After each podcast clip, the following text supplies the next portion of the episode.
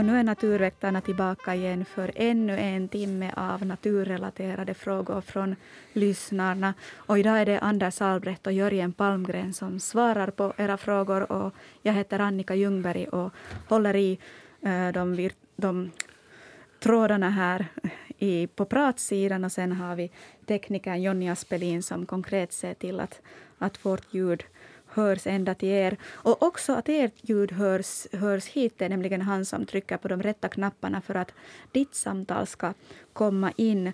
Och just nu så ser det ut som på samtalsfronten har vi någon som har, har hunnit så här snabbt efter nyheterna ringa in. Vi börjar med ett samtal så här direkt efter nyheterna. Hej, vem har vi med oss? Ja, det är Levi här från Sibbo Pipis. Hej. Hej Levi. Jag funderar vart det där, vart de här rödhake har sina bo, vart de har bo, vad vi har på här. Ja, de har på olika ställen. Det där. Jag har själv ja. hittat eh, på marken i en, en sån här mossig, eh, mossig eh, stubbtuva. Och sen Jaha. har jag hittat i mitt, i mitt förråd på en hylla. Och det, det kan alltså variera väldigt mycket. Det kan vara liksom mest märkliga ställen. Och det är ganska krångligt jo. att hitta. No, säkert. Säkert. Var, hur många ungar har de eller ägg? Det är ja, väl normalt för de här arterna 57 gissar jag på men så är jag naturligtvis, så, är jag naturligtvis omsorgsfull och slår upp hur det riktigt är och här står det jo. ägg 2 till 8. Normalt, ja, medeltalet är 6. Ja. När är det rödhankens unga kläcks? Hur stora är de nu? Är de ja. färdiga att no, de, de har an, an, andra kullen. Den första flög ut redan i juni. Jo, just så, just så. Hur är det med den där hackspetten? Den har inte bott två gånger samma, samma ställe. Du menar större hackspett? Jo, just det, större. Nej, den har bara ett, en, en häckning per säsong. Jo, ja. just så. För den, den hade då i fjol här ett, ett träd, ja. hade sån där gammal, ja. gammal, eller sån där gammal, gammalt träd, där var ett där hål och det där hade unga, ungar ja. och ägg och ja. Men det var inte... I år har det inte. Ja, det, det är på ett annat ställe i år. Jo, säkert, säkert. Jo. Och det är ju så att alla, alla hålbyggare naturligtvis tackar större hackspetten för att den är så flitig och göra ja, nya, nya bohål. Ja, säkert, säkert. Jo, jo. Just det. Och så har vi nu blommor så att vi har sådana där humlor, otroligt mycket humlor när vi har så mycket blommor. Sådana där blommor. Att vi har inte klippt gräsmatta heller något onödigt mycket. Bara jag tror att två gånger högst det här då. Det är och så har jag inte klippt där som varit, där som varit blommor, där har jag inte klippt alls i. Det är inte, just, just rätt gjort det. Ja, vi talade ja, tidigare om... Ja. Vi talade tidigare om hur ja, vi gillar ovårdade ja. gräsmattor. Det är bra, ja, just det. Just det. No, det är bra. Jag, jag sitter här hur det här Anders Albrecht, han, han har sin gräsmatta. Jag sitter ju på tid. Ja. Det är otroligt fint tycker jag. Jag tycker det är bra. Jag tycker, jag tycker också, jag, jag tycker den, den ser väldigt välordnad och fin ut. no, visst, visst jo. Faktiskt, och jag har nästan lika jo. Nästan, jo, men in, inte riktigt. Jo, just det. Jo. Men några getingar finns det inte i år. Inte, vi har inte getingar. Ja, väldigt, väldigt lite, ja. Jo, och in, inte har vi just myggor heller. Inte. inte. Nej, de, de torkar bort. Men säkert, jo. Det var lika bra, tror jag. Tycker jag också. Eller Det fanns ju ändå Nej, på våren. Humlor istället. Jo. Det fanns jo. på våren mycket nog åt fågelungarna. Jo, just det, just det. Det var ju bra det ju, det fanns ju. Faktiskt ju.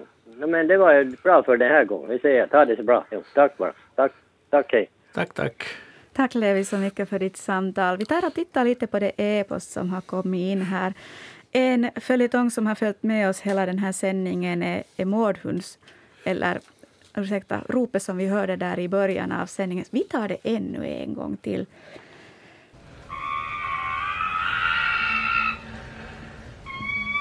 Vi har fått e-post av Inger-Marie som säger att det kan vara rev. De skriker på den måten, och den, jag kan inte tala det här språket, ropar på maken sin. Um, och sen har vi fått ett e-post av um, Helena som tippar på rev. Och Gunilla som säger att en åsna skriker så där. Och Mona tycker att det var en mårdhund.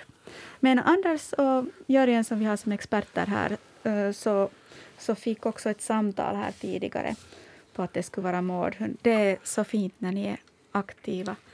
Och, och det där, skickar in era observationer och era möjliga svar. Ja, vi, syftar vi, alltså har, vi har faktiskt mycket åsna i våra skogar. Och, det vill säga vi har åsnor där i grannen. Och de, de låter nog inte så här alls. Mm. Mm. Just, ja. Men man får ha glimten i ögat också ibland får under ha den här sändningen. Ja, ja. Ja, Ehm, Man är tvungen för annars klarar man inte det. Jag sa att vi ska lite tala om, om de här frågorna som kom in per e-post. Vi ska fortsätta jag- med Meretes fråga. Det var just det jag tänkte Ja. komma till. Det var sömntornet som Merete Ja. har skickat in en bild på. En spännande bollaktig formation på rosens stam. ja alltså den, den är vanligen ungefär 7 till 10 centimeter i diameter den här grejen. Och namnet kommer helt enkelt från sagan om Törnrosa. När hon hade sovit och hela slottet sovit i hundra år så hade ju rosorna vuxit ut över hela slottet. Och det är det här som avbildas här i den här grejen. Det är ett sömntorn och öppnar man så finns det små kammare och i kammare finns små prinsessor. Och, det vill säga stekel, larver och puppor. Och tar man in dem på vårvintern så kläcks det ut. Och det, huvudsakligen är det sömntornstekeln och en snyltgäst som den har. Det kommer alltid de här två arterna. Och så kommer det ett tiotal parasiter. Parasitsteklar som lever på de här eller på varandra. Så att det, det kan komma upp till en 10-15 arter ur en sån här. Det Så skulle man det är ett inte när man... helt samhälle. Samhälle av olika krypinsekter, steklar Ja. och deras parasitsteklar. Wow. Och dessutom är de ju jättevackra. Ja, de är förvånansvärt vackra. Eller liksom, fina är de. Vill du se den här bilden så kan du gå in på svenska.yle.fi natur där vi har vår bildblogg. Men vi, ja, vi ska ta ännu en bild från bildbloggen. Den näst sista bilden på en röd bakgrund. Det är nämligen en bild som kanske någon av er nu har fått bekanta sig med. Eh, det är nämligen så att um,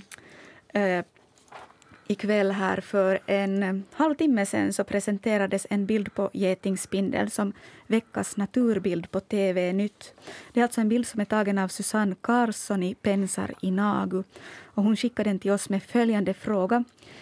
Vi har en getingspindel på besök i, på sommarstället i Pensar. Är den sällsynt i allmänhet eller bara för oss?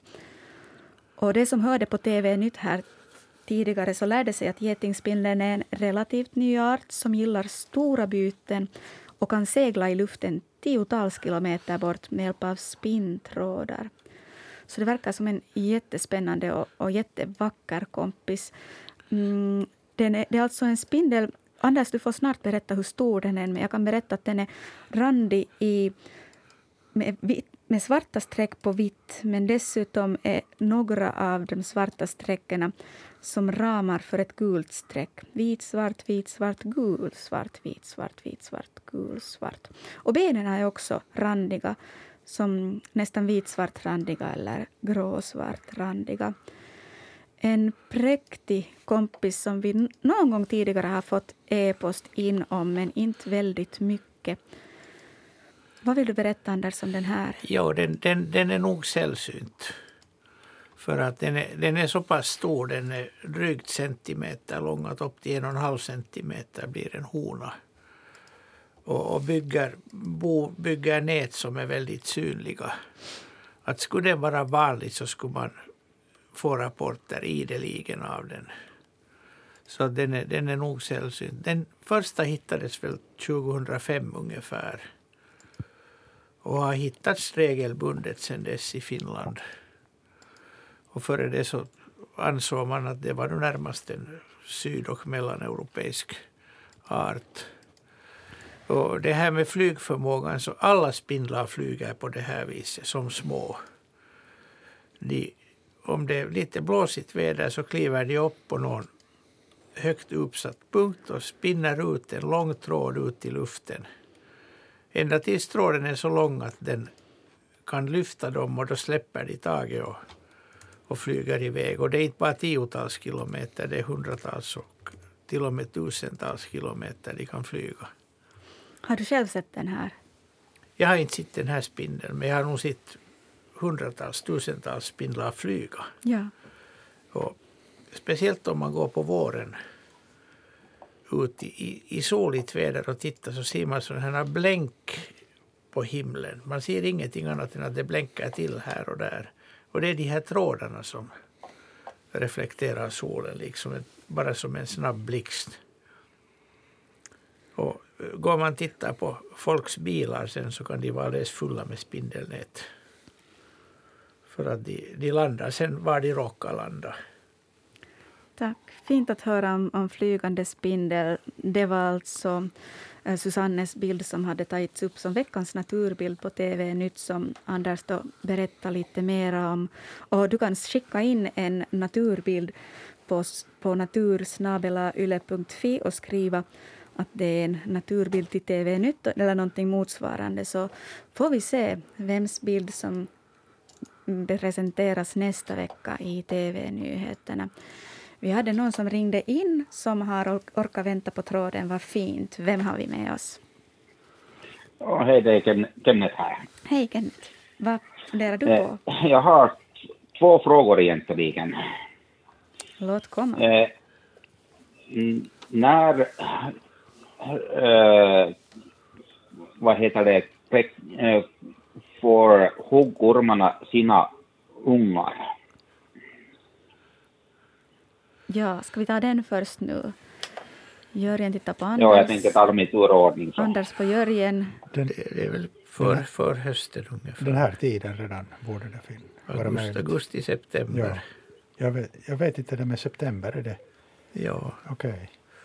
Men de hinner inte äta något så värst mycket. De hinner inte så värst mycket. De går Mm. ganska snabbt i id eller Ja. vad nu ormar går i, Vinter, i vinter, vinter, vinterförvar. Ja, vinterförvar, just det.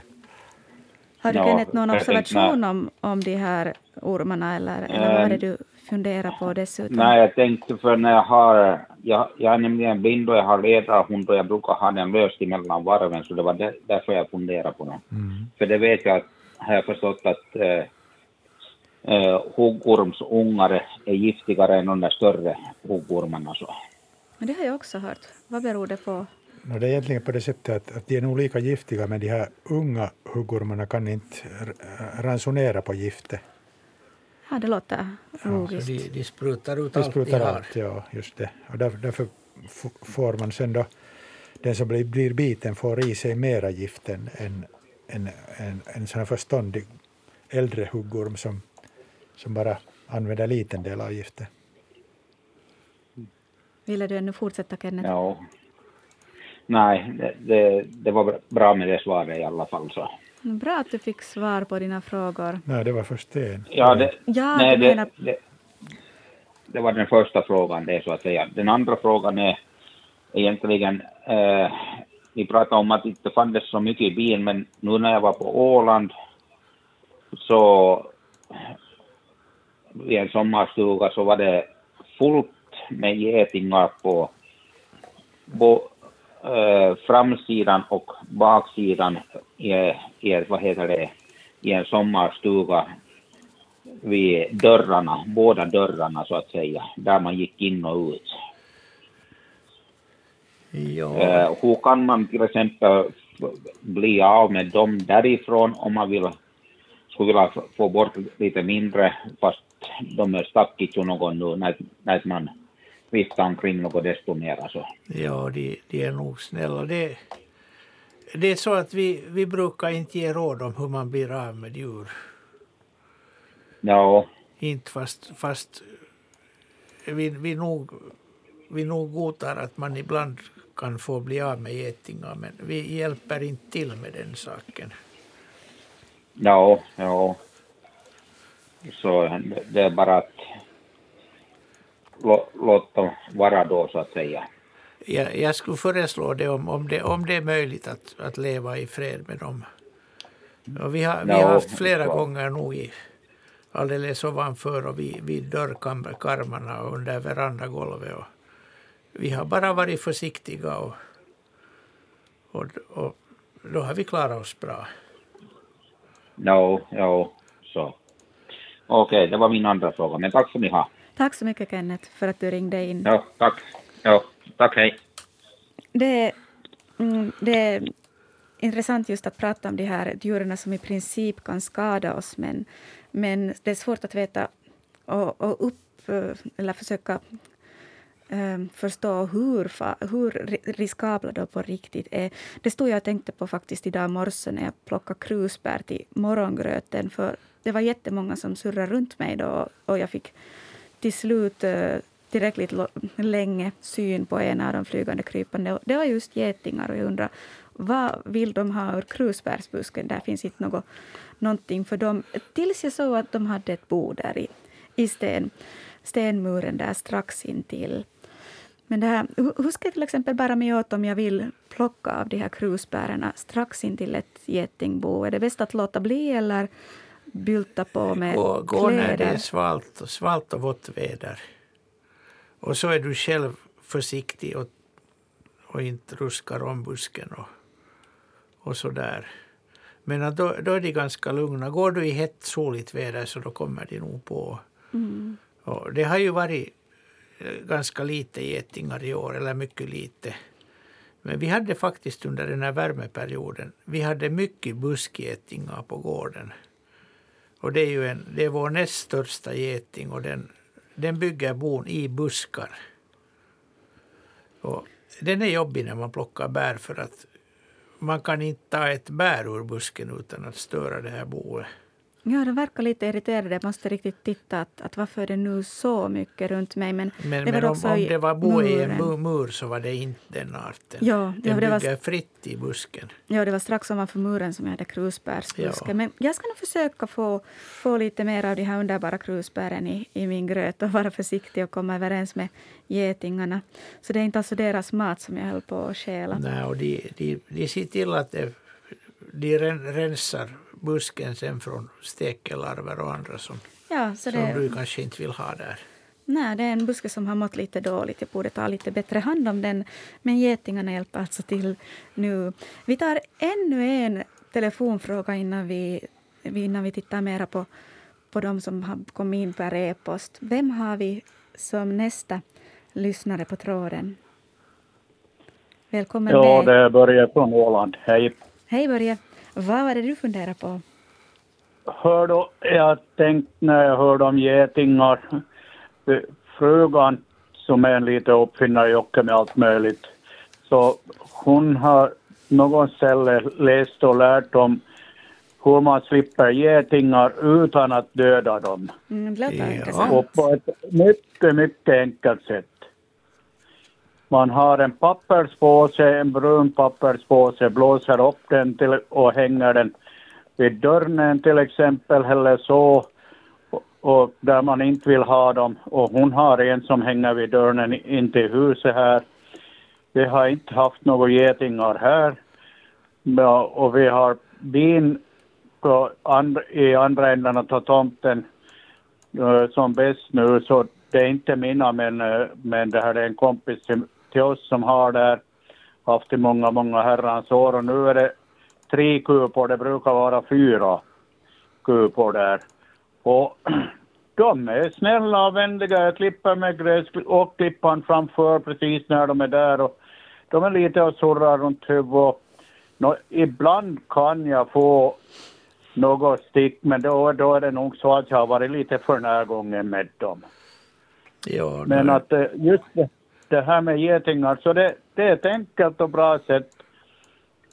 Till exempel vid en sommarstuga, så som ett föregående samtal här, att, att de ska hänga, två, eh, vid dörrarna så hänger de uh, uppblåsta pappers, bruna papperspåsar, så slipper de getingarna. Och vad, vad, är, vad är mekanismen här? no, det, det tyder på, enligt vad hon har lärt och, och fått reda på, så är det det att de, de ser att jaha, det där är som en, en, en annan getingbild, att det är upptaget.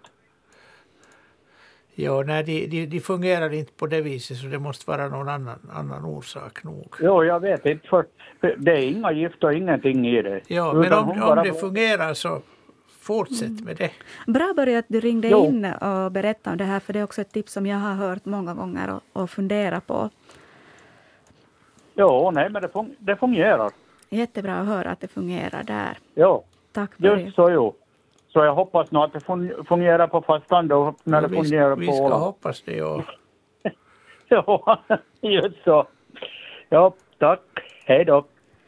Ja, jag funderar på det här jättemycket och, och det där har hört om så många som säger att det här fungerar, men å andra sidan funderar jag på den där logiken som du Anders sa att, att ehm, en gammal ehm, att om det, om det finns inte ett gammalt getingbo, så nu har jag ju sett att de har kunnat bygga boet där strax bredvid. jo, inte, inte har de, har ing, det har ingen betydelse. Det, det, det här med att det är ett gammalt bo eller ett upptaget bo så det, det är inte funktionen. Jag vet inte vad, vad det beror på om det här fungerar. Men Det här är just en sån fråga som, som man borde nästan göra en, en forska i det här. Ja, Göra, göra, jämföra olika getingbon med olika, olika sådana här, äh, äh, vilseledande bon och se vad som på riktigt ja, fungerar. nej, det är så, det, det är ju det att de på våren startar de boet mm, från ingenting. Då kan det finnas gamla bon och de, de kan bygga precis bredvid. Utan vidare. Och sen senare på sommaren så bygger de inte nya bon med överhuvudtaget. Så att det, det har ingenting med bobyggande att göra. Så att det är svårt. Och när det gäller getingar sen interaktionen mellan mm. vuxna getingar, så den, den sker helt på kemisk bas, alltså feromoner. det måste vara jättesvårt att lura getingen att tro att, att någonting man virkat eller, eller en papperspåse skulle vara ett bo. Men det kan ju hända att det ligger någonting i det där. Men det där, det, det är svårt att läsa getingens tankar om bobygge, så ibland så, så Ja, måste... nej, om, det, om det fungerar så har jag ingen förklaring till varför det fungerar. Mm. Men i väntan på att någon, någon tar och, och forskar närmare i den här saken ehm, så fortsätter vi, tror jag, med samtal. Nej, det gör vi inte. Hörni, eh, om du har en fråga som du skulle vilja ställa åt Anders Abret och Jörgen Palmgren som vi har som experter ikväll på Naturväktarna så har vi nog ännu tid för samtal. Klockan är 20.25 så vi har ännu över en halvtimme tid på oss. Numret är alltså 0611 12 13 och det var någon som redan hann slå det numret och ringa in till oss. Hallå, hallå, vem har vi med oss? Ja, det är Thomas här från Pargas. Hej. Hej Thomas, vad undrar du? Förlåt? Vad var din fråga? Du är med i, i vår direktsändning så jag det är bara jag- att köra. Jo, jo. Jag har inte en fråga utan jag har en liten berättelse. Mm. Och det är det här, jag visste faktiskt inte tidigare att, att änder gillar blåbär massor. Och jag, jag var där i södra Savolax här förra veckan och, och det kom eh, många familjer med änder. Och sen så kom de på de här släta klipporna upp och så syntes de inte, ingenting på en stund syntes för de kom upp längs slänten. Och så såg man hur, bara, hur de här blåbärsbuskarna ruskade om dem. Man såg inga djur, man såg inga näbbar, ingenting, bara ruska om de där buskarna. För naturligtvis för att få loss de där bären, de var ju torra. Men det är massor med smak i dem och de är ju torra och små. Så du måste rycka och ha sätt för att få loss dem. Och, och sen eh, åt de sina 10 minuter, 12-15 minuter. Och så samlade de i sitt ropp på, på, på fina stigen ner till vattnet och gick de efter varandra i lugn och ro ner i vattnet och så simmade de iväg igen. Det var en som jag aldrig har varit med om tidigare, därför ville jag berätta det. Ja, det var roligt att du fick uppleva det. Det, det, där, det är också, sångsvanarna kan också göra det här samma, att de traskar upp i skogen och äter blåbär. Men det är förvånansvärt Jaha, många som Ja. goda- godtar sig. Till exempel björnen kan ju få in jättemycket energi Jo. och en stor, stor del av... Måsarna gör det också. Ja, måsarna gör det. Ja. Ja. Oj, oj, oj, jo, det vet jag ju. Måsarna brukar ju ha Ja. blåa spår efter sig överallt när, när man tittar sen. Ja. Men, men det, här, det här var nytt för mig Ja. att det här också. Men det är klart, varför inte? Det är en god mat och, Ja, det och en näringsrik mat. kanske det bästa som skogen har att bjuda. Mm, det är Till och Finlands med det. Till och egen med. superfood, de bären vi hittar. Ja, just det. Ja. Man behöver inte fara till utlandet efter gojibär och annat när vi har ännu bättre superfood här hemma. Mycket bättre, ja, ja just det, ja, speciellt det. Tack så mycket. Jag Tack ville så bara berätta mycket. detta. Tack Ja. Thomas. Hej då. Vi hej, har, hej. vi har ett annat samtal på tråden. Vi fortsätter. Vem har vi med oss? Hej, det är Marianne från Åland. Hej Marianne. Jag skulle, vilja, jag skulle vilja komma med en kommentar om de där getingarna. För att det där, i fjol redan så började ett, en geting att bygga precis vid ett lås i en dörr Ja. på mellan liksom en yttre och inre dörr sitt bo. Och det tog jag bort, det fick jag bort därifrån. Och sen det där, den surrar ju där ännu, så tog jag en grå strumpa och fyllde den med vadd och vred om så det såg ut som en uh, bölla och satt dit den i dörren. Och det kom inte mera. Och vi har alltid haft utanför också vid ytterdörren. Och dit har jag också satt en sån där strumpbölla och det har inte kommit. Och sonen har lagat på eh, landet i Ekenäs skärgård, då har han lagat, eller hans fru sticka egentligen virka sådana hemskt nätta böllor och brodera en geting på. Och de har inte heller i Lidre någonstans några getingar. Ja, som, som, som sagt, jag, Jag tänkte bara som en jag, kommentar. jag sa att, att alltså, om, om, om det fungerar så kan jag inte säga varför det fungerar. Nej, nej. För det har, det har inte att göra med att de tror att det är ett gammalt bo, för det har de ingen. De kan bygga bredvid gamla bon hur som Jo. helst. Jo, jo. Så det, det vet Nå. jag inte. Om det fungerar så vet jag inte vad det beror på. Man Nej. borde fungera, Nej, fundera på våren. Uh, ursäkta att jag avbryter dig Marianne, jag börjar genast Ja. spekulera kring saken. Var Ja. det ännu någonting du ville tillägga? Nej, det var bara, jag tänkte bara som en kommentar till att, att jag faktiskt provade och vi lagade sådana liksom gråa bollar. Man borde ju på våren försöka hitta så många börjor av, av getingbon som möjligt och hänga upp olika saker där. Ja. Som inte liknar getingbon och se vilket som har en effekt. En fågelholk eller, var som, ja just. Eller vad som Ja, helst. det är ju faktiskt en idé. det måste man prova. Men på- kanske det är så att det har funnits så lite getingar i år. Det har ju varit väldigt lite getingar.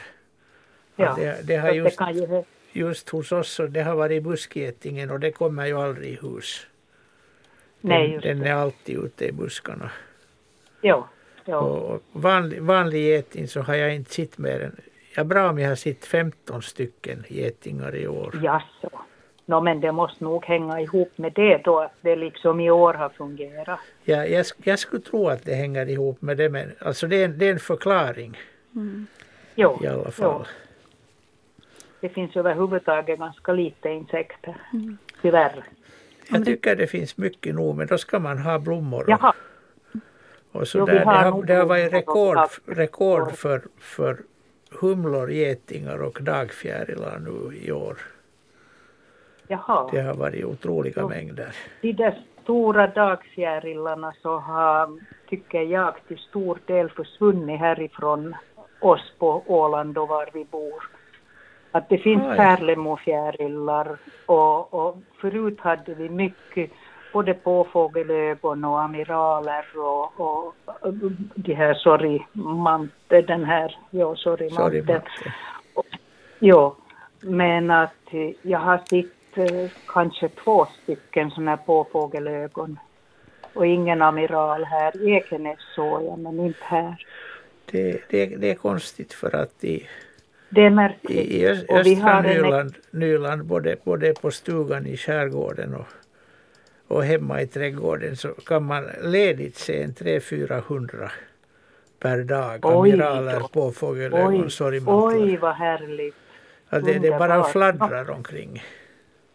De har flyttat härifrån dit då. Det kan hända. Jag ska skicka tillbaka några. Ja, gärna. Jag gör det, ja. Era vackra Och vi fjärilar till Åland. jo, jo, och vi har helt eh, ekologiskt och, och jag lagar nog varje år sådana här liksom biblommor som jag sår. Ja, Och sen har vi kryddor som vi brukar älska. Har du Marianne märkt att någon speciell blomma har fungerat jättebra för dig för att locka till sig fjärilar?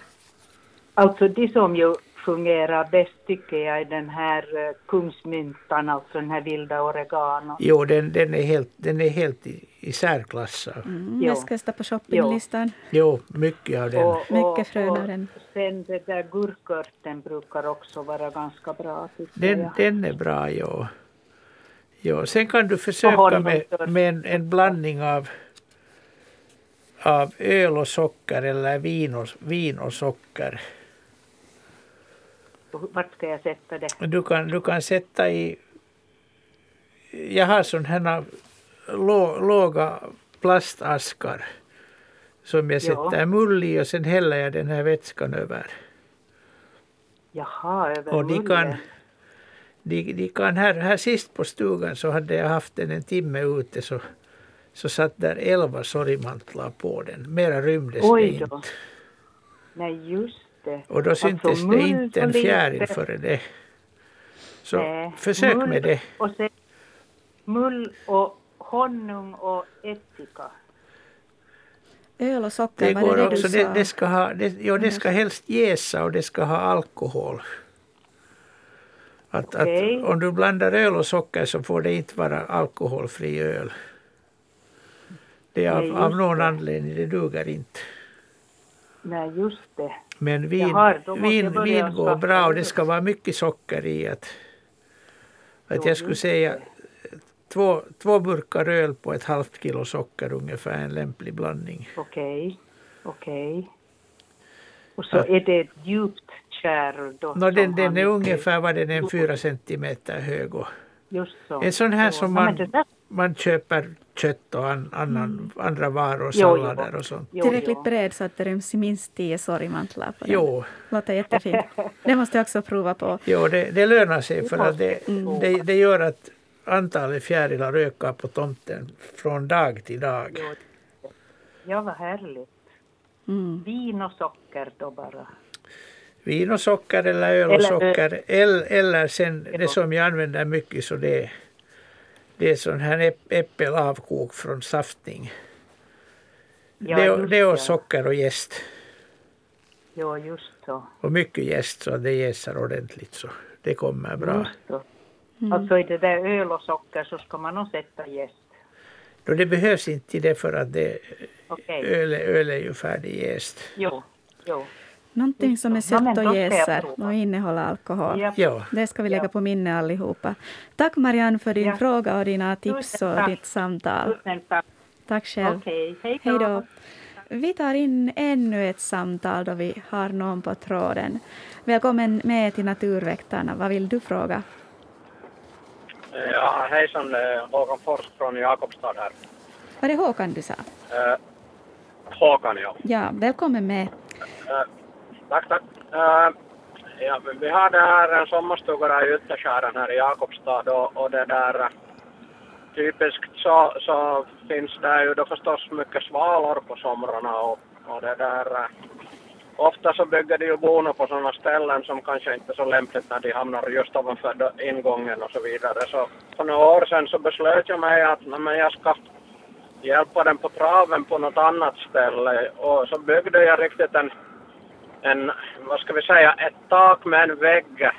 Riktigt ordentligt plåttak med, med hängbrädor och allting och ser ut som en, en liten takåsa med en vägg och, och det där eh, bra med, med underlag så att det ska gå att bygga de där bona dit och, och den där satt jag på ändan utav vårt lider upp ganska högt och, och det där vi har inte lyckats få ett enda sval, svalbit inte.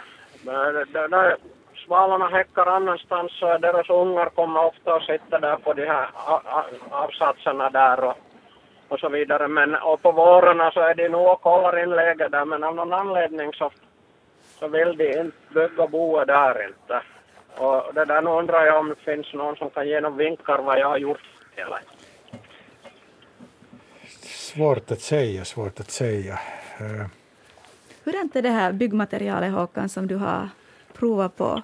Alltså helt utav vanliga panelbrädor på eh, samma panel som jag har på stugan. Den målad rött med vita knutar som på sommarstugan. Och det förstås inte eh, det där, vad ska vi säga, taket som är på där så vad skulle det kunna vara bredden på det en 40-50 centimeter och då är väggen i mitten. Ja, nu är det mer och nu så är det ledigt utrymme 30 centimeter på vardera sidan av väggen. Mm, förstod Och du då har rätt jag att du... försökt göra också Fortsätt bara.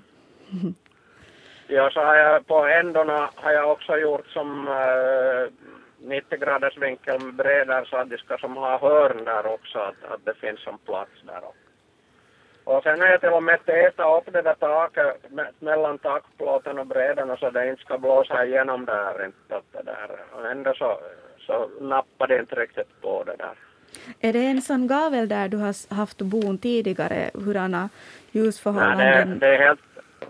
Nej, bona har varit på själva sommarstugan ofta och så vidare. Så är det där bredvid på grannens hus riktigt nära det här Lidrö. och Där, där finns det hur mycket svalor som helst som häckar och, och det där. Men på det här stället så dit kommer det. Det, det, det, jag gjorde det enkom för att jag kallade det till en svalholke. Men Ja. det där... Men det, det är ju, vad ska jag säga, gjort precis lika som man ofta gör på stugorna och annars också att man sätter ut äh, fästen och brädor så de har bredlappar så de har lätt att, bygga mm. Och ja. Vid bastun och sådana här ställen så brukar de nog kunna komma men, Ja. men på det här som är enkom gjort för det så där duger inte. Ja, det är, svå- det är svårt att vara dem till lags om de har sitt eget, sin egen vilja och fortsätter Ja. på gamla Har du, rutiner. har du några tankar på om hur varmt det ska vara? Blåsigt, mycket solgas, lite solglas, högt uppe? Svårt, svårt att veta exakt. Alltså nu är det ju täcka ladusvalor så det är ofta nog på en ganska skuggig plats. Mm. Är det så att de kanske inte gillar både, nybyggen? vi har både laddo och Ja, husvalor Ja, just det. Ja. Husvallarna är ofta på soligare, mer solgassad plats, men det där... Tja, Nu gäller det bara att bygga några till på olika ställen och, och se vilken som duger eller, eller det flytta var på den. ganska På mycket ett, jobb att göra den ja. där så. Men nästa, så jag nästa, tror nog att jag bygger till den men men nästa, den nästa, har, den har som... Ja, förlåt. ja, nästa går ju nog snabbare. Det tar bara hälften av tiden. Ja. eller sen tar du ner Den- den och sätter upp den till, på, ett annat, på en Ja, annan gavel till nästa vår. det. Ja. Just som de Jag har funderar lärt sig. bara att, att kan, det, kan det finnas något psykologiskt där, eller vad vi ska säga, att, att det måste verkligen vara ett hus som de är på? Nej, det ska det nog inte vara för att det där, eh, en del av svararna så kan också häcka, häcka på andra ställen än byggnader. Alltså det är ju, Vad ska Ja, vara har det naturliga under, stället? Under en flytbrygga har jag ja, just det, just det. Och till och med bergvägg kan duga, men det är nog inte så särskilt Ja. vanligt. Varför har de byggt sina bon före de hade tillgång just- till våra tak? Det är just olika, olika det där be- bergväggar. Så om man har en bergvägg så kan man, kan man bygga där lite något utskott. Nå, helst inte. Nej, inte på jag. bergväggen. Nej. Imitera den på något vis. Om det är någon som har lyckats locka till sig svalor för att häcka på, på någon konstruktion som är enkom planerad för det här så får man väldigt gärna ringa in och berätta på 0611 12 13 eller så skicka e-post till oss på natursnabelayle.fi. För det här har vi, tycker jag, talat om tidigare och uppmanat folk att, att försöka bygga ett alternativt plats om de är på en, på en sån här mindre önskat ställe. Mm. Jag om, ni, om ni vill så kan jag sända över det där, en bild på det där så kanske ni får kommentera på nästa, i nästa program. Om vi Om får har flera kommentarer om om det här så, så kan vi ta upp ämnet en annan gång. Men speciellt om du sen märker, ett senare år till och med, att du får gäster dit, så kom ihåg oss och, och med, berätta oss hur det, Ja. hur, det kommer, hur det går i fortsättningen. Stör de, månne varandra om det är alldeles för nära för det, det är inte långt till de där um, grannens svalor. Det är kanske bara en fyra, fem meter mellan. Alltså hu- husvalbon så kan ju vara liksom med 30 centimeters mellanrum på en, Ja, på en vägg, men ladusvalorna kanske är lite glesare. precis. Precis. Ja, men Ja, vi får, får hoppas kanske det kommer med något. Ja, här är, här är också liksom Det, ja, bra att minnas det är också att, att svalorna är ju ganska långlivade, de som har, de som har kommit upp i häckningsåldern. Så, så de kan kanske vara lite konservativa. precis. Hoppas nu att de hittar till ditt, till ditt bygge senare år, att det inte blir, blir förgäves. Ville du Håkan ännu Ja, tillägga ja. någonting? Nej, det, var, det har varit uppe i tre, fyra år det där och inte Mm. under den tiden hade Okej, Ja, då. ja, Ja, ja. ja. Jag tänkte om det skulle vara ett nybygge, men det förklarar inte heller saken. Okej. Mm. I alla fall, tack för Tack för program. ditt samtal Håkan. Det var jätteintressant att, att ta upp det här ämnet i diskussion. Hoppas vi får in mera, mera samtal eller e-post om, om svalbon som man försöker bygga på konstgjord väg och locka till sig svalor att häcka. Det hade Håkan i Jakobstad tyvärr inte lyckats med. Nu är klockan snart kvart före nio, 20.43. Då fortsätter vi här på Yle Vega med Naturväktarna och övergår till de frågor som vi har fått in på förhand, det vill säga per e-post. Och följande fråga kommer från Robert. En sådan mask simmar i strandvattnet söder om Nagu den i början av juli. På morgonen klockan åtta har Robert tagit en bild på blåstång som antagligen hade ett nytt namn på svenska som rekommenderas. Kommer jag bara att tänka på här, samtidigt som jag öppnar den här bilden. Blåst, blåstång i grumligt vatten och en ljuskort mask i en ganska otydlig bild så jag ser inte speciellt kännetecken men med tanke på hur stora blåstångar jag har stött på så kan det vara en 10 centimeter eller mycket längre om, om perspektivet lite lurar oss. Nej, lä- lägre är den inte. Nej, en liten ljus... Den är nog de här, de här flytblåsorna på blåstången är ungefär 5-6 millimeter. Mm, den här är lika tjock ungefär som de här blåsorna men, men lång och ljus. Men tyvärr så ser vi Ja. inte mycket mera. Ah, Vi ser inte mycket, men det, det som nu skulle stämma så det är den här eh, binnikemasken som har spiggen som mellanvärd. Och alltså den, den, den fyller hela spiggen som då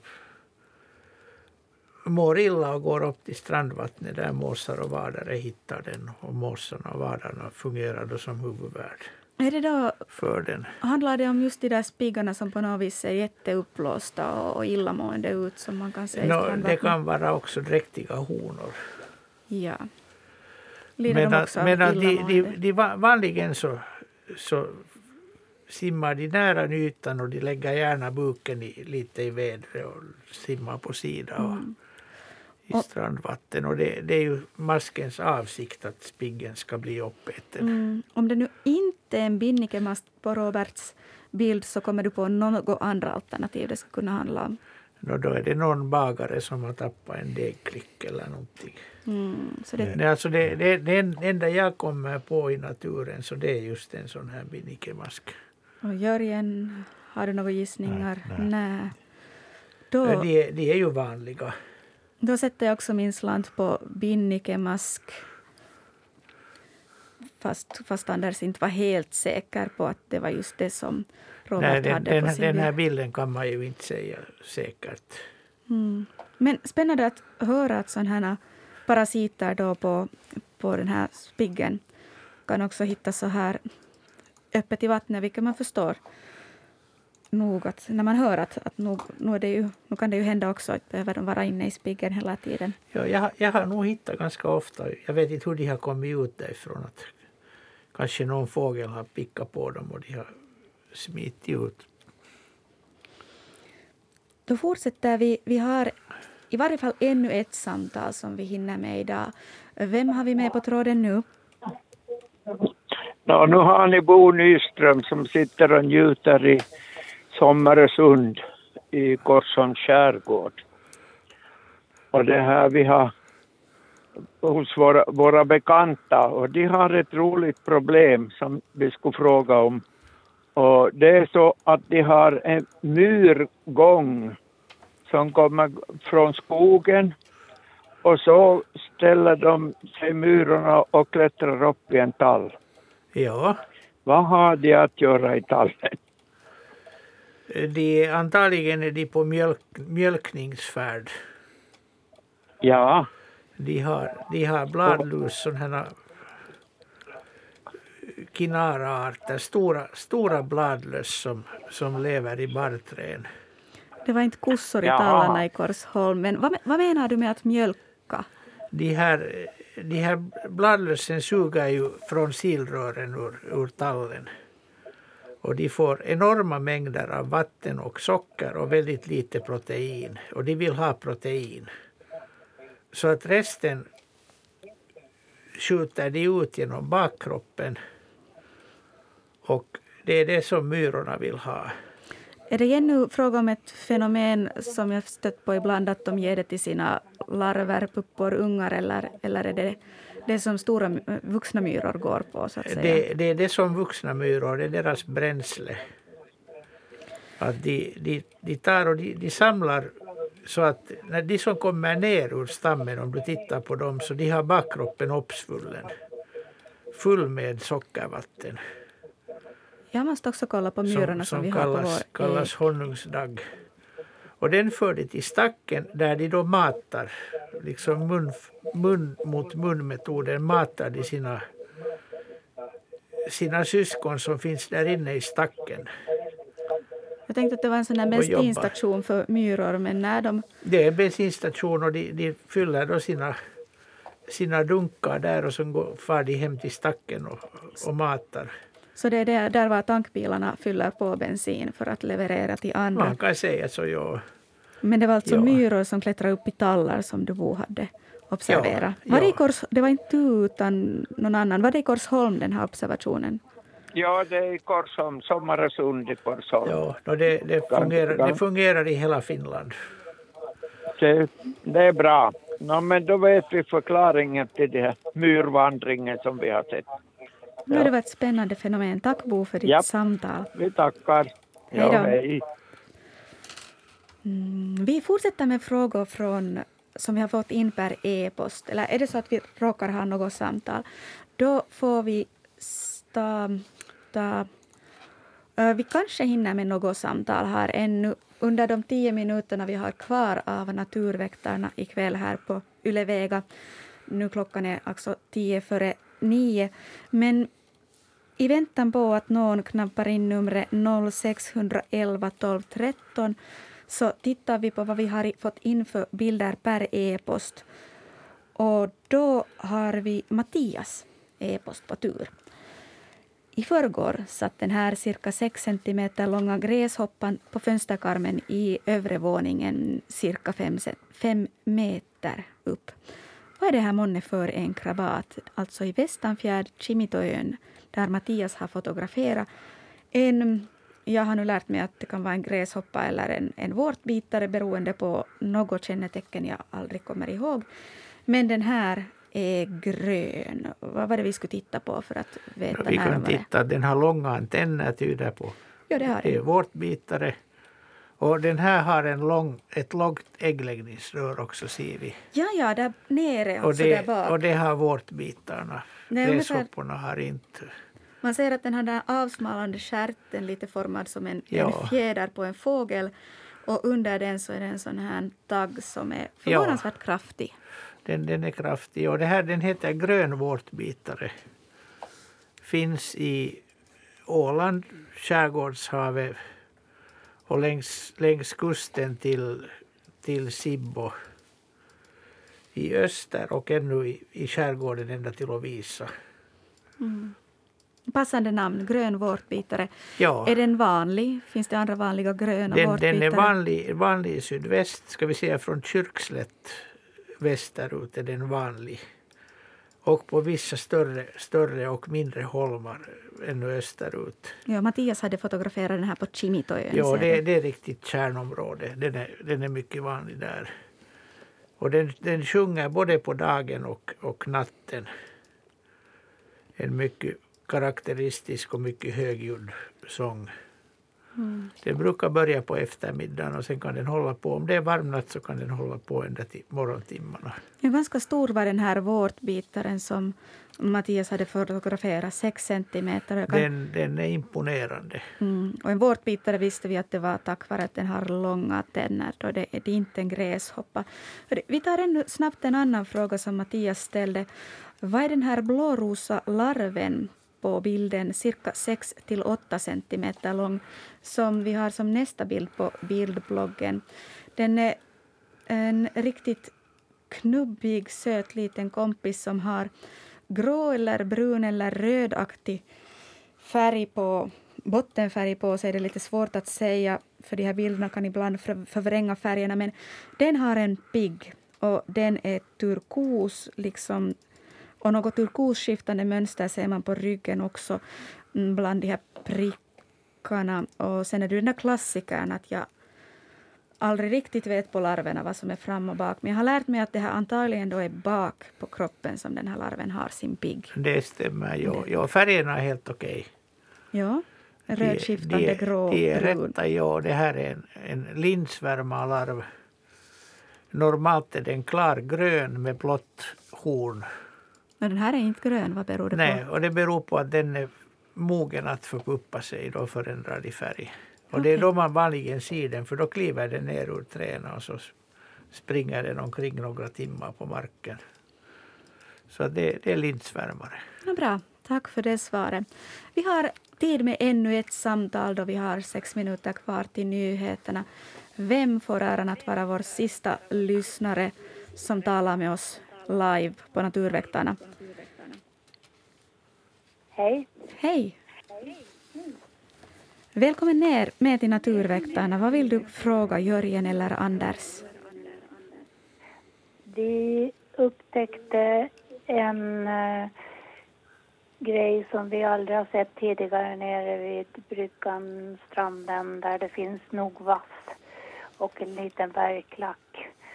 Och uh, intill där så var det som fem sex centimeter långt ihåligt rör. Och i det satt det en liten filur, alltså en, det kan ha varit ja, någon slags larv.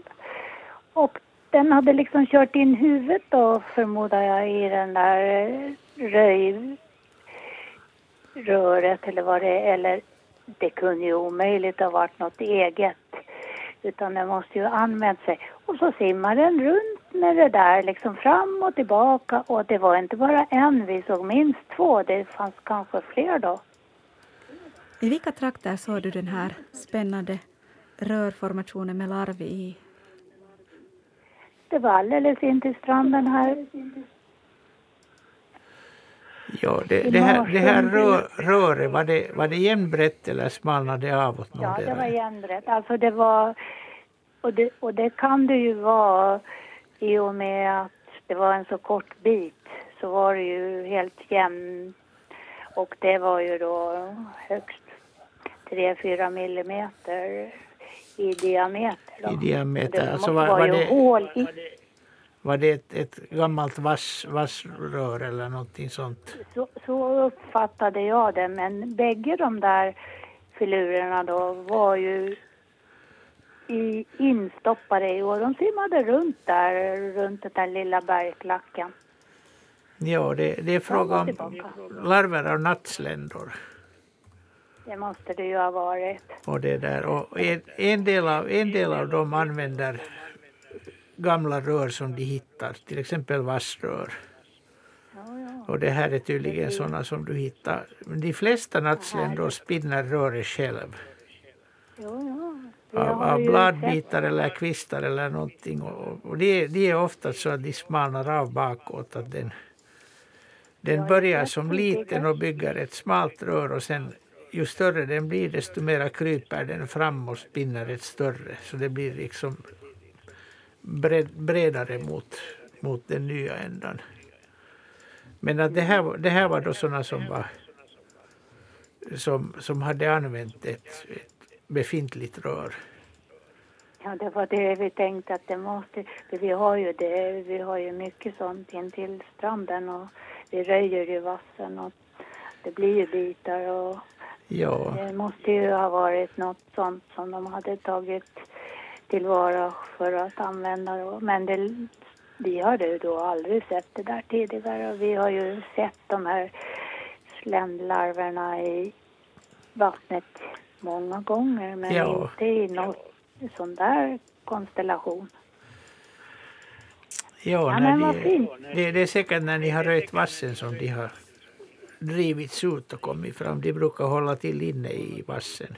Mm. Men det var ju lite kul för de var ju nästan exakt lika långa de där bitarna. Ja, Och de där filurerna var ju, ja, larverna nu då, de var ju också i samma storlek ungefär och de kunde krypa lite in och lite ut och sen Ja. simma. Med hjälp av det där då så rörde de sig fram och tillbaka.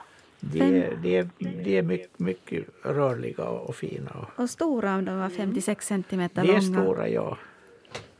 Ja, en del av de som spinner eget bo är ännu betydligt större än det här. Men att de är roliga djur. Tack så De mycket för ditt samtal och din fråga. Vi närmar oss nyheter om Ja, om en minut här i Naturväktarna så det börjar vara dags för oss att avsluta.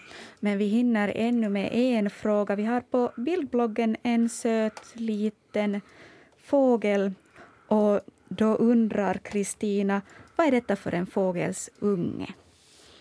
Vill du, Jörgen, först beskriva vad det här är för, hur den här ser ut? Ja, den är sådär undersidan ljust gråbrun, ovansidan mörkare brungrå. Ser man några speciella kännetecken? Ja, man ser två vita vingband. Och man ser en fröätarnäbb och, och så mycket mer kanske man inte behöver se, det är en bofink. Bofink. Bofinkhona, men det är inte en ung fågel utan det är en gammal fågel. Okej, en vuxen bofinkhona, det var svaret på sista frågan för Naturväktarna ikväll. Vi tackar för ditt sällskap och hörs på nytt om en vecka i Naturväktarna.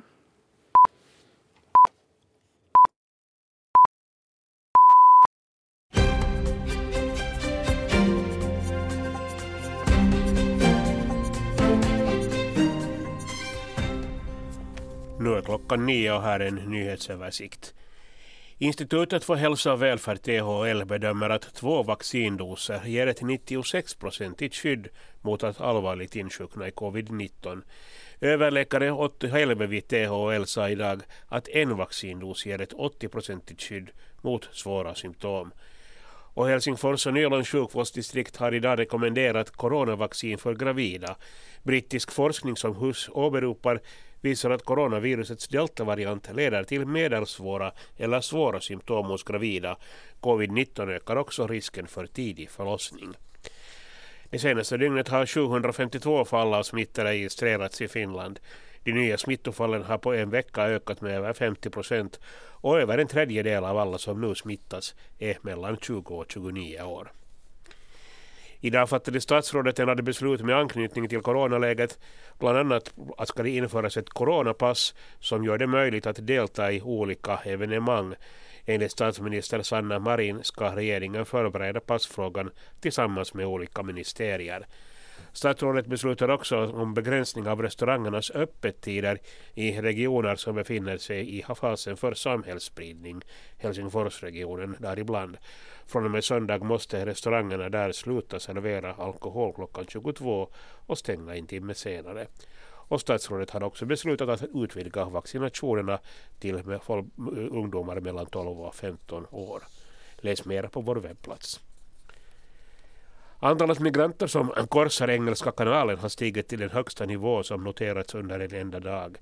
Brittiska regeringen säger idag att minst 482 migranter undergår